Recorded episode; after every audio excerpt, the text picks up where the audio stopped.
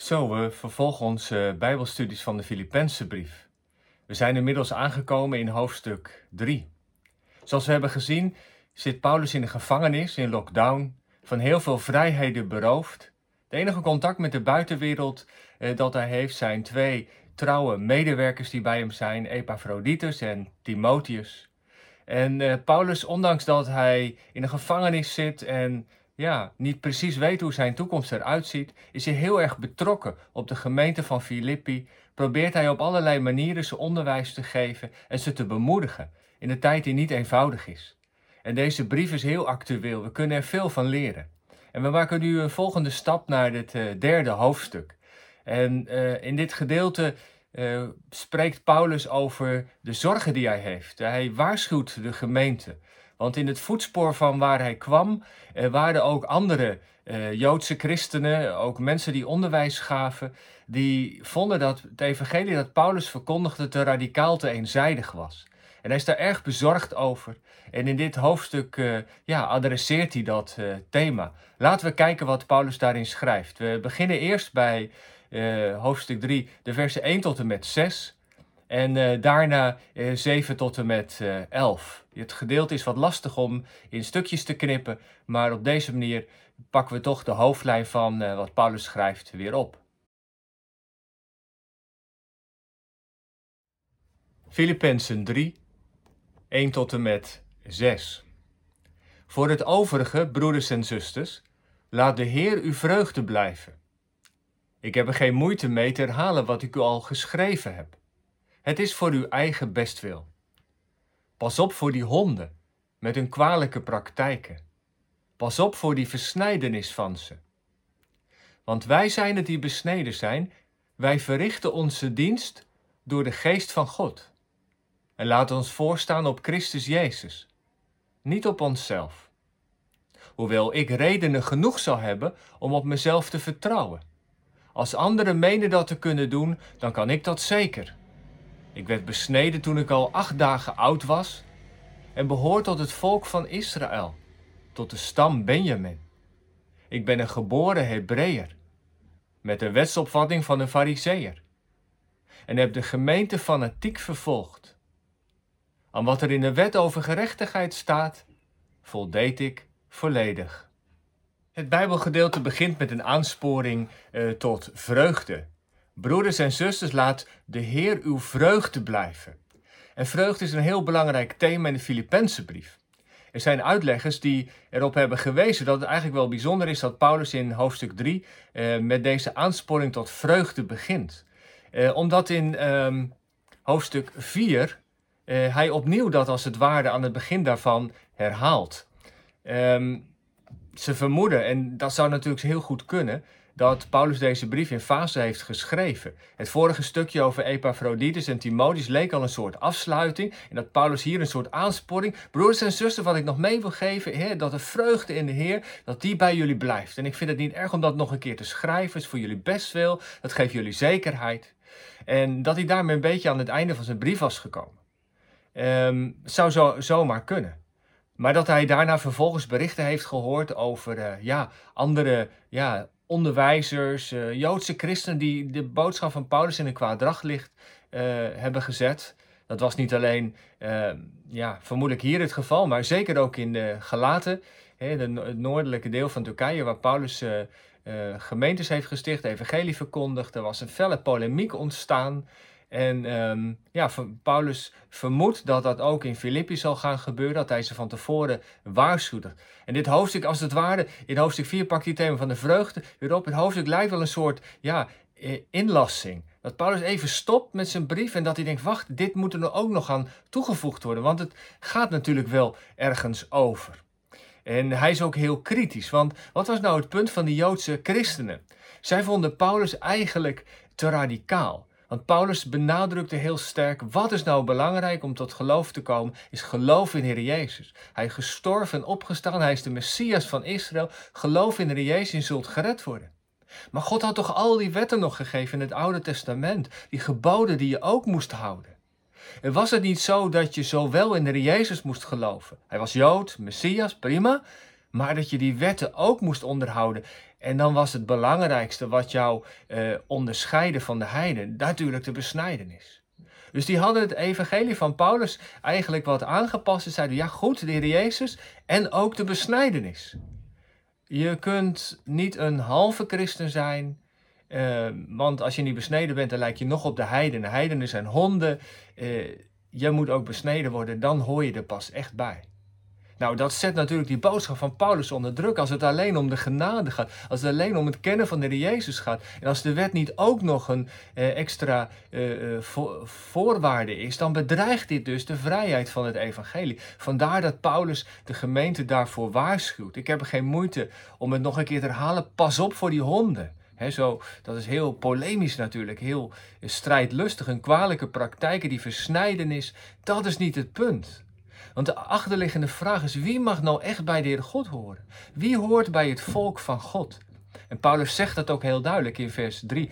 Hij noemt eh, drie kenmerken: dat je God dient door de geest, dat je laat voorstaan dat je beroemt op Jezus Christus en dat je niet op je vlees, op jezelf vertrouwt. Dat is eigenlijk wel een mooie definitie van wat nou een christen is. Een christen is iemand die de Heer God dient. En dat doet hij niet in eigen kracht, maar dat doet hij door de geest. Een christen is iemand die eh, zich laat voorstaan op Christus Jezus, die, die op zich op hem beroemt. Je zou kunnen zeggen, eh, die van de Jezus houdt. Voor wie de Jezus alles is. En tegelijkertijd ook iemand die heeft geleerd niet op zijn eigen uh, ja, vlees te vertrouwen, niet op zichzelf te vertrouwen moet nog even wel een opmerking uh, bij, bijgemaakt worden. Hè? Dat in de Zinnenstatenvertaling gaat het over, wordt het woordje vlees gebruikt. In de nieuwe Bijbelvertaling is dat anders vertaald. Er staat er niet op ons zelf uh, vertrouwen. De herziende statenvertaling heeft in dit vers hè, dat wij niet op het vlees vertrouwen, hoewel ik reden heb om ook op het vlees te vertrouwen. En de, de reden dat ze ja, het vlees hier anders hebben vertaald, komt omdat er makkelijk een misverstand uh, kan, uh, bij kan komen. Want waar denken wij? Als we het hebben over de werken van het vlees, dan hebben we het vaak over zonde, over seksuele uitspattingen, over overspel, over gulzigheid, over dronkenschap. Hè? Dat zijn de werken van het vlees. Dat beschrijft Paulus in de Galatenbrief. Maar dat heeft, dat is, heeft hier niet, vlees heeft hier niet die betekenis. Um, vlees in het Grieks uh, wordt hier gebruikt voor uh, het, ja, je zou kunnen zeggen het woordje zelf. Vlees dat staat voor waar jij goed in bent, wat je zelf goed kunt, jezelf. En zo gebruikt Paulus het hier. Wij moeten niet op onszelf vertrouwen, maar op wat God in de Jezus voor ons heeft gedaan. En dat was natuurlijk wel een punt, want eh, ja, er waren heel veel Joden die natuurlijk zich onderscheiden van de heiden, juist vanwege hun fysieke afkomst. Ze waren eh, trots op dat ze kinderen van Abraham waren, dat ze besneden waren, dat ze de oude woorden van God hadden ontvangen.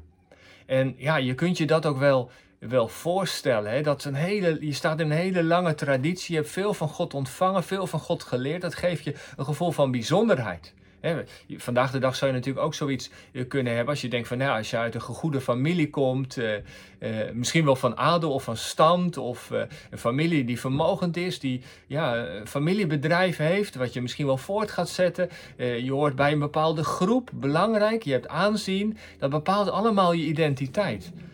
we kunnen ons daar misschien wel een beetje bij voorstellen. als je van gegoede kom af bent, als je je, ja, je, in, een gespreid bedje is geweest, je hebt een goede opleiding gehad, je komt uit een familie die bevoorrecht is. Uh, je hebt de neiging om ja, je als het ware superieur te voelen. Uh, soms ook op anderen neer te kijken die maar van gewone kom af zijn, die uh, andersoortige opleiding hebben, die gewend is met zijn handen te werken. Je, dat, dat, dat verschil, zeg maar, wat je vroeger had van stand en zo, uh, ja, dat was er in die tijd natuurlijk ook. De Joden keken neer op de heiden, die kenden de wet niet, die stonden niet een lange traditie, die dienden de afgoden. En um, ja, de boodschap van Paulus is natuurlijk anders, want in het geloof zijn we ten diepste allemaal gelijk. Hoe we, uh, welke achtergrond verder ook hebben, hoe, hoeveel kennis we ook van bepaalde dingen, wat voor opleidingsniveau hebben, wat voor kleur, wat voor ras, etc. In het geloof gaat het om de genade van de Heere God. En of je oud of jong, rijk of arm bent, we zijn allemaal van die genade afhankelijk. Het gaat om geloof in de Heer Jezus. In die zin zijn we, wat het geloofsaspect betreft, aan elkaar gelijk en hebben ook dezelfde dingen nodig. Nou, dus het was voor Paulus dus een aangelegen punt om uh, ja, de gemeente daarop te wijzen. Pas op dat er niet extra dingen bijkomen, dat het niet Christus en de wet is. Want daarmee zwak je de genade van God af. En dan wordt het toch weer iets wat je zelf moet gaan doen. Dan ga je toch weer je best ergens voor doen. Dan, dan, dan ga je toch met het gevaar dat je ook weer op anderen gaat, gaat neerkijken. Dan ga je toch weer vertrouwen op wat je zelf allemaal kunt. En ja, de boodschap van het evangelie was de genade van Christus. Hij heeft het voor ons gedaan. En nou zet Paulus nog een hele kleine stap, dus eigenlijk wel heel, heel ironisch. Hij, hij zegt, nou wacht even, van, nou jullie vertrouwen zoveel op het vlees. Nou ja, dat kan ik ook doen. En dan noemt hij maar liefst uh, zeven dingen waarin, uh, waarop hij zich kan, kan uh, beroemen. Ik werd besneden toen ik acht dagen oud was. Ik behoor tot het volk van Israël, tot de stam Benjamin. Ik ben een geboren Hebreeër. Ik hoor tot de traditie van de Fariseeën, dat was de meest strikte traditie. Ik heb de gemeente fanatiek vervolgd, dus uh, op mij valt niks aan te merken vanuit het Joodse perspectief. En als het gaat over de wet, over de gerechtigheid die God van ons vraagt, dan was ik volledig. Uh, was er eigenlijk niemand zo wetsgetrouw als ik. Hij zegt dat het een beetje, een beetje cynisch, maar ik denk dat hij ook wel uh, een bedoeling daarmee had. Want de andere Joden die, die zeiden van het is Christus en de wet, die keken naar Paulus toe en ja, die vonden Paulus maar een halve Jood. Jij bent iemand die de wet van God zo makkelijk terzijde stelt. Jij, kunt een, jij bent een afvallige Jood. Jij kunt niet echt een goede, trouwe, wet, wetsgetrouwe Jood zijn. En Paulus zegt nee, dat ben ik wel. En, en zijn, zijn, zijn credit, zijn staat van dienst, daar is eigenlijk in die zin wat, vanuit het Joodse perspectief niks op aan te merken. Hij is iemand die strikter was dan strikt. Maar zijn leven, dus, de, dus in die zin had hij recht van spreken. Maar zijn leven is radicaal veranderd, zoals we in de volgende pericoop zullen zien. Ja, wat kunnen we van dit uh, Bijbelgedeelte uh, meenemen? In ieder geval eh, denk ik wel, wel dit. Paulus die, die, die spoort de mensen in Filippi aan om niet op hun vlees te vertrouwen, niet op hunzelf te vertrouwen. Nou is dat natuurlijk wel eh, heel spannende oproep, want we worden natuurlijk geleerd om onze eigen boontjes te, te doppen. We zijn uh, er getraind om uh, voor onze zaken op te komen. Er zijn dingen waar we misschien goed op kunnen zijn, waar, we, waar we misschien goed in zijn en die we goed kunnen. En zo dragen we ook ons steentje bij in de gemeente of op ons werk of in de klas of te midden van onze uh, vriendenkring. Dat zijn natuurlijk dingen, dat is allemaal prima. Dat is de genade van God die op allerlei manieren zijn weg vindt in ons leven. Maar dat vertrouwen op onszelf heeft volgens mij ook te maken met controle. Dat we het soms heel moeilijk vinden om de dingen uit handen te geven.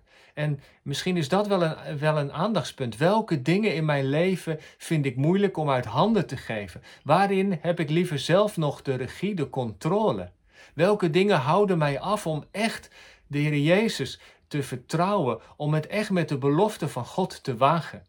Misschien is het goed om die dingen eens op te schrijven en in gebed aan de Heer God te beleiden. En ik ben ervan overtuigd dat Gods geest ons dat zal onderwijzen, dat ons zal laten zien. En tegelijkertijd dat hij ons ook zal helpen om niet op onszelf te vertrouwen, maar steeds meer en elke keer weer opnieuw op de belofte van God en op de Heer Jezus.